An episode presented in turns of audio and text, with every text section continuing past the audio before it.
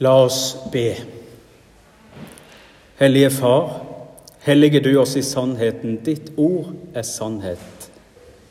Amen. Hjemme i Rogaland hørte jeg om paret som diskuterte hva barnet skulle hete.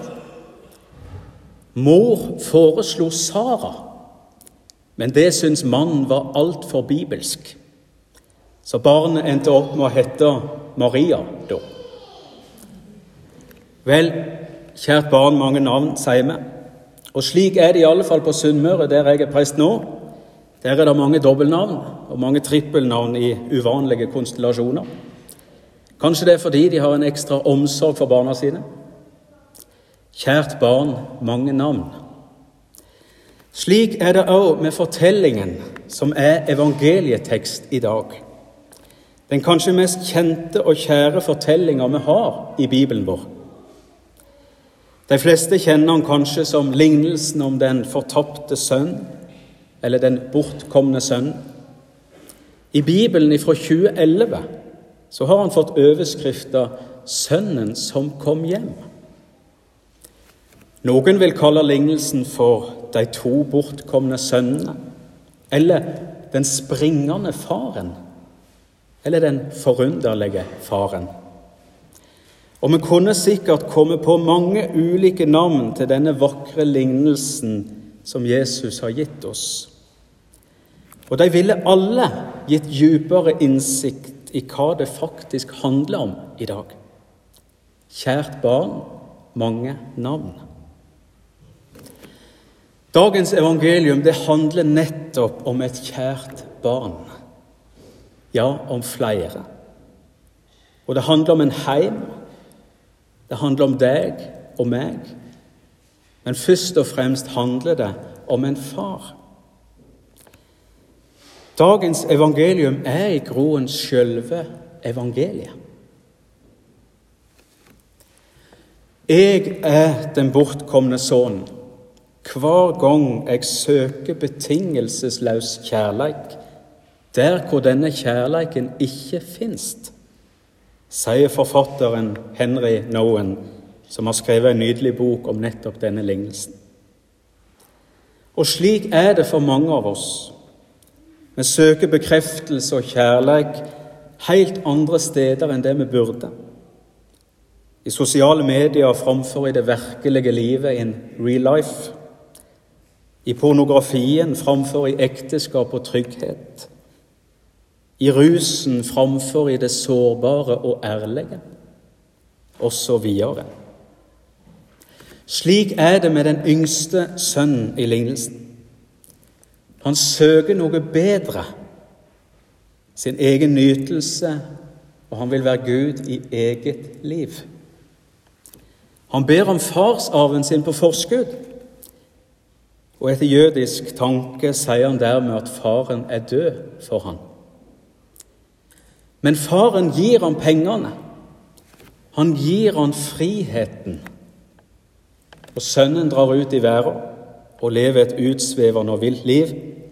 Han omgir seg med piker, vin og sang, eller sex, drugs and rock'n'roll, uten slik å si noe vondt om rock'n'roll. Men han finner ikke noe mening, og livet slår tilbake på han som det ofte gjør for oss. Og etter hvert så finner vi sønnen i grisebingen. Pengebingen hans er tom, og han må passe griser. Det er helt nederst på rangstigen etter dåtidas tanke. Verre enn et hundeliv.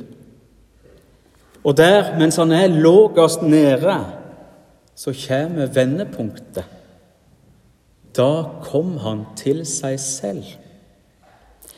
Øynene blir åpna. Han skjønner hva han har gjort. Kanskje opplever han det de gamle kaller for syndenød. Han innser i alle fall sin egen urett, sin egen synd, sin egen egoisme, og det treffer han hardt. Han husker hvor mye bedre det var hjemme hos far. Ja, til og med leiekarene hadde mat i overflod. Og han planlegger sin egen synsbekjennelse. Far, jeg har syndet mot himmelen og mot deg. Jeg fortjener ikke lenger å være din sønn.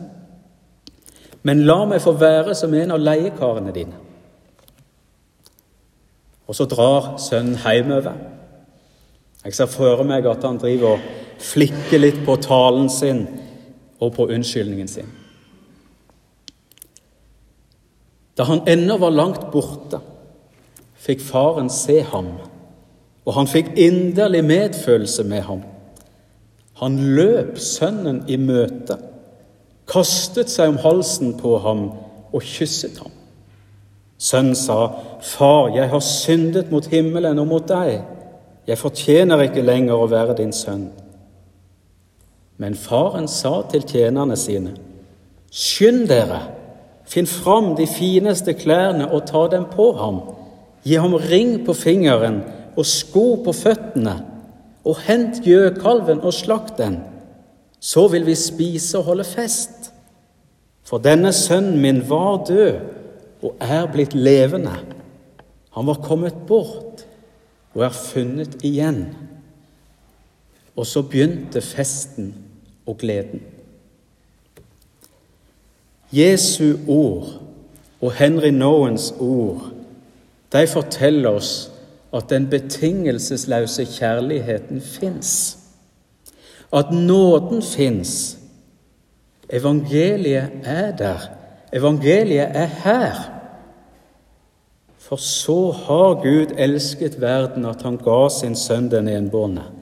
Så hver den som tror på ham, ikke skal gå fortapt, men ha evig liv. For Gud sendte ikke sin sønn til verden for å dømme verden, men for at verden skulle bli frelst ved ham. Først når jeg bøyer meg på kne, kan jeg reise meg og bli stor. Slik synger forfatteren Levi Henriksen i en sang, en sang han kaller det nærmeste han er kommet å skrive en salme. Først når jeg bøyer meg på kne, kan jeg reise meg og bli stor. Denne setningen har fulgt meg i det siste, og den forteller også tydelig om hva evangeliet er for noe. Og i dag, på bots- og bededag, så er du og jeg invitert til helt konkret å få erfare nettopp dette. Når vi i dag inviterer til det vi kaller for allmenn skriftemål Det betyr at vi sammen for Guds ansikt bekjenner våre synder, høyt i fellesskap, og så stille for Gud det som særlig tynger oss personlig. Vi får legge det av oss hos Gud. Og så blir du invitert fram hit, til alteret, for å ta imot Guds egen tilgivelse og fred. Helt konkret. Helge og jeg, vi vil legge hånda vår på hodet deres og si etter vår Herre Jesu Kristi ord og bud tilsier jeg deg alle dine synders nådige forlatelse i Faderens og Sønnens og Den hellige ånds navn. Og da er det ikke Helge eller min stemme som lyder, men Far, Guds egen stemme. Da han ennå var langt borte, fikk faren se ham, og han fikk inderlig medfølelse med ham han løp sønnen i møte, kastet seg om halsen på ham og kysset ham. Dette er skriftemålet. At vi bekjenner for Gud det vonde vi bærer i oss, det vonde vi har gjort, og det gode vi har glemt eller forsømt. Vi får legge det av oss hos Gud i tro og tillit til at da er det vekk. Det er borte. Slik profeten Mika sa det i den ene teksten vi las tidligere. Hvem er en Gud som du? En som tar bort skyld og tilgir synd for den resten han eier. Han holder ikke evig fast på vreden, for han vil gjerne vise miskunn. Herren skal igjen vise barmhjertighet mot oss og trå vår skyld under fot. Du skal kaste alle våre synder ned i havets dyp. Og slik springer Gud oss i møte òg i dag, vi som er bortkomne sønner og døtre, som nå er komne hjem. Hjem til farshuset, hjem til tilgivelsen, heim til nåden, heim til kjærleiken, heim til far. Skriftemålet forteller oss at vi er hjemme, og at her hører du til uansett hva du bærer med deg i bagasjen. Bagasjen tar Gud seg av. Ja, Jesus har tatt seg av den på korset. Og du får komme til Gud slik som du er. Så kom frimodig fram til skriftemålet i gudstjenesten i dag. Da han ennå var langt borte, fikk faren se ham, og han fikk inderlig medfølelse med ham. Han løp sønnen i møte kastet seg om halsen på ham og kysset ham. Slik er Gud. Det var uhørt på Jesu tid at fedre skulle springe. Det var langt under deres vær. Men Gud springer. Slik er Gud. Hans kjærlighet gjør at han ikke klarer å holde seg fra å springe oss i møte, akkurat deg og meg. Og veien hjem til far, den er alltid åpen. Det er vakkert symbolisert i Spjelkavik kirke hjemme på Sunnmøre, hvor lignelsen om den bortkomne sønnen preger glassmaleriet overfor inngangsdøra. Det er Håkon Bleken som har laga maleriet, en moderne versjon av lignelsen. Og kunsthistoriker Gunnar Danbolt han skriver i en kommentar til dette bildet og for så vidt òg til lignelsen. Det finnes en kjærlig far som er villig til å akseptere oss til tross for at vi er uakseptable. Ingen synd er for stor. Alt tåler Gud.